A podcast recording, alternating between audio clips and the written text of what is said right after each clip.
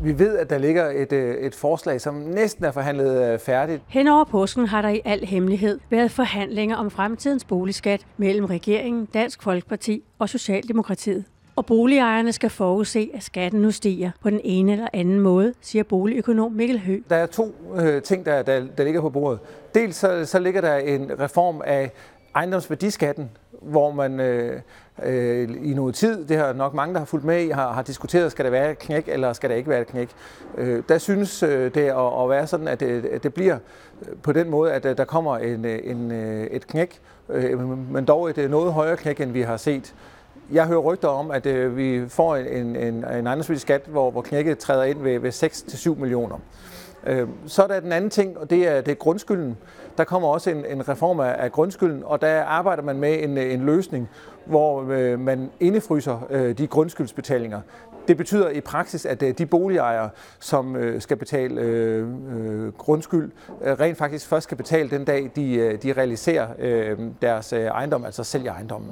Et knæk betyder, i den her sammenhæng, at de dyreste ejendomme bliver beskattet hårdere. Knækket det, handler om at sige, at vi har en uh, sats øh, på ejendomsværdiskatten ind til en, en vis øh, grænse. Det kunne være øh, 6 eller 7 millioner.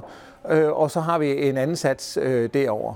Øh, på samme måde som vi kender det med indkomstskatten, at øh, jo, jo højere indkomst øh, man har, jo højere øh, skat betaler man. Grundskylden er også en skat hvor man betaler skat af grundens værdi. Det man skal være opmærksom på, det er jo, at fordi man bor i lejlighed, så bor man også på en grund, øh, så, så øh, lejlighedsejerne kommer også til at skulle betale grundskyld. Så med andre ord ser det ud til, i hvert fald i øjeblikket, at skattestoppet nu ophører, og boligskatterne skal stige. Det synes at være, være givet, at der skal betales øh, noget mere i, i boligskat.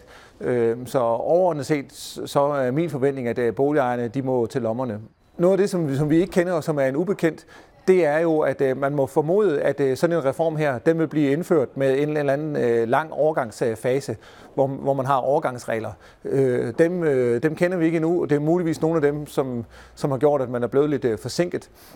Så det, det er noget af det, der, der kan være, være rigtig spændende. Men jeg er ret sikker på, at politikerne ønsker, at der skal være tryghed om, om boligbeskatningen. Så, så derfor vedtager man nogle regler, som først kommer til at gælde nogle år ude i fremtiden. Planen skulle have været offentliggjort onsdag, men der er knaster, som gør, at tingene trækker ud, siger Mikkel Hø. Og så er finansministeren i øvrigt heller ikke hjemme. Jamen, øh, i går var, var alle, øh, der, der følger det her tæt, overbevist om, at der ville blive lagt en, en reform frem.